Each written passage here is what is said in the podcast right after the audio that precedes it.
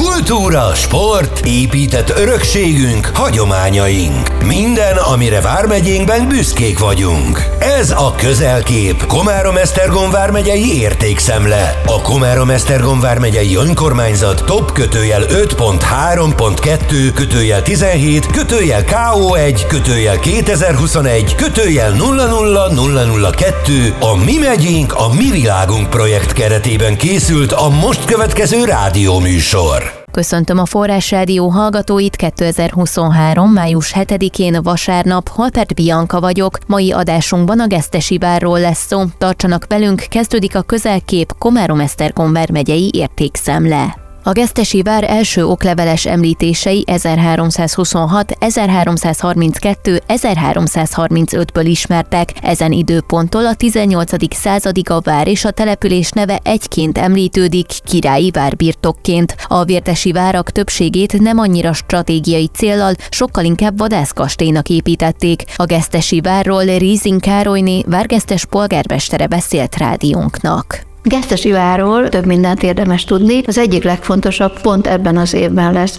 700 éves. Ezt a bizonyos dátumot természetesen nem én találtam ki, hanem különböző korhű dokumentációk tartalmazzák azt, hogy mikor létesítették. A Gesztesi vár a vértesi végvárak rendszerébe tartozik. Az a büszkeségünk, hogy ez a legnagyobb maradvány vár. A Gesztesi vár, mint tömb, téglalap alakformában elég komoly látvány látvány. Nem csak látvány, hanem látványosság is volt nagyon sok évig, de sajnos a külső falomlás miatt életveszélyessé nyilvánították. A vár mindig királyi várbirtok volt, és az utóbbi időben azzal jellemezők, hogy állami tulajdon. Várgesztes nagyon boldog, hogy ilyen látványosság van itt, végvárnak hívjuk, és igazából sok ostrom nem volt itt. Azt tudjuk, hogy a 13. században Csák nemzetségé volt, akik az 1300-as években évben nagy birtokokkal rendelkeztek. Kvázi divat volt az, hogy ki milyen birtokot, területet, erdőt vagy építmény tulajdonol. Érdekesség az, hogy a krónikák azt jelzik, hogy adósság fejébe vagy valami szóbeli háborúzgatás kapcsán birtokcserékről tudunk. A vértes vadban gazdag erdei Buda, Fehérvár, Esztergom közelségének köszönhetően mindig kedveltek voltak az ország urai körében feljegyzések vannak arról, hogy a királyaink közül kik szerepeltek és mikor jártak várgesztesen, és itt pontosan el fogok néhány mondatot mondani, hogy Zsigmond király 1399. október 28-án, Mária királynő ezt megelőzően 1388. október 30-án, Albert herceg 1435-ben, Ulászló pedig 1495. szeptember 21-e és október 4 negyedike között tartózkodott gesztesen. Ezekben a korokban már nem végvárnak hívták, hanem vadásztanyának. A dátumokat azért tartom fontosnak, mert miért is összejöttek a vértesbe? Azért, mert a középhegységek közül a vértes relatív kicsi, de a vadállománya pont a védettség miatt, a környéken, a céleken elhelyezkedő falvak miatt egy nagyon szép kis vadászterület volt. Én tréfásan szoktam mondani, hogy mi is ott vadászunk, ahol Mátyás király vadász vadászott. Gesztesen a lakosság célját a középkorban nem nagyon szolgálta, mert a végvárak egyik feladata az volt az ország különböző pontjain, hogy a lakosságot ebben menekítették, és tulajdonképpen technikailag elzárták a betolakodókat. A gesztesieknél is látszanak azok a nyomók, hogy egy olyan kapurendszer volt, amit fel lehetett húzni, de itt nem éltek. Az Eszterháziak birtokba vétele előtt gyakorlatilag a vár önmagában állt. Külön érdekességnek érdekességnek tartom azt, hogy a Gesztesi vár nem a Gesztesen lévő hegyek legmagasabb pontján volt. A várhegy elhelyezkedése biztosította azt, hogy az erdő rengeteg mellett lehetett látni, hogy érkeznek vagy nem érkeznek. Bármilyen támadók, azért a török időben érték elfoglalások, nem rombolták le. A Gesztesi vár jobban megközelíthető volt, de inkább fifikával, fortéjjal voltak az elfoglalások, vagy alkutárgya volt. Tudni kell azt is, hogy sokáig nem foglalkoztak a vár életével, használaton kívül volt, és ezért a falak részben tönkrementek, és az 1932-es évben egy jelentős változás történt. A Magyar Munkás Turista Egyesület menedékházat épített a vár egy bizonyos részén. Ez az egyesület úgy működött az országban, hogy nagyon sok embert ide csalogatott, és ez 2013-ig így működött. Folyamatosan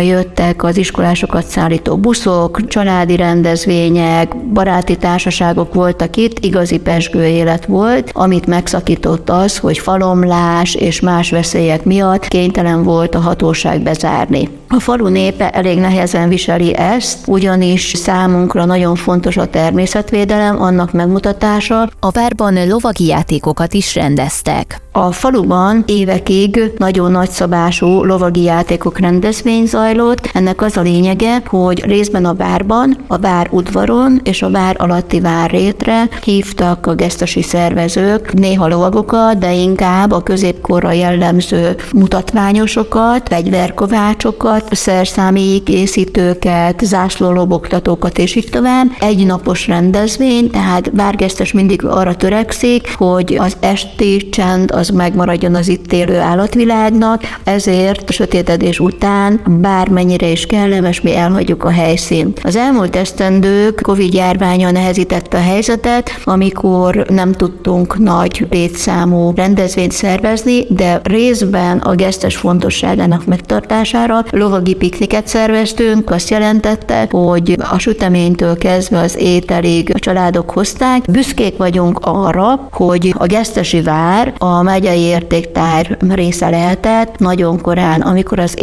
értéktár felhívás megjelent, akkor úgy gondoltuk, hogy büszkék lehetünk Komárom Esztergom megye nagyságai mellett, hogy egy ilyen pici falu rendelkezik egy ilyen csodával. A helyiek büszkék arra, hogy a Gesztesi vár bekerült a Vármegyei értéktárba. Ez volt a közelkép Komárom Esztergom Vármegyei értékszemle adása 2023. május 7-én itt a Forrás Rádióban. Köszönöm, hogy ma is minket hallgatnak. Búcsúzik a műsorvezető Holpert Bianca. Kultúra, sport, épített örökségünk, hagyományaink. Minden, amire Vármegyénkben büszkék vagyunk. Ez volt a közelkép. Komárom-Esztergom Vármegyei értékszemle. Széchenyi 2020. Készült Magyarország kormánya megbízásából az Európai Unió támogatásával.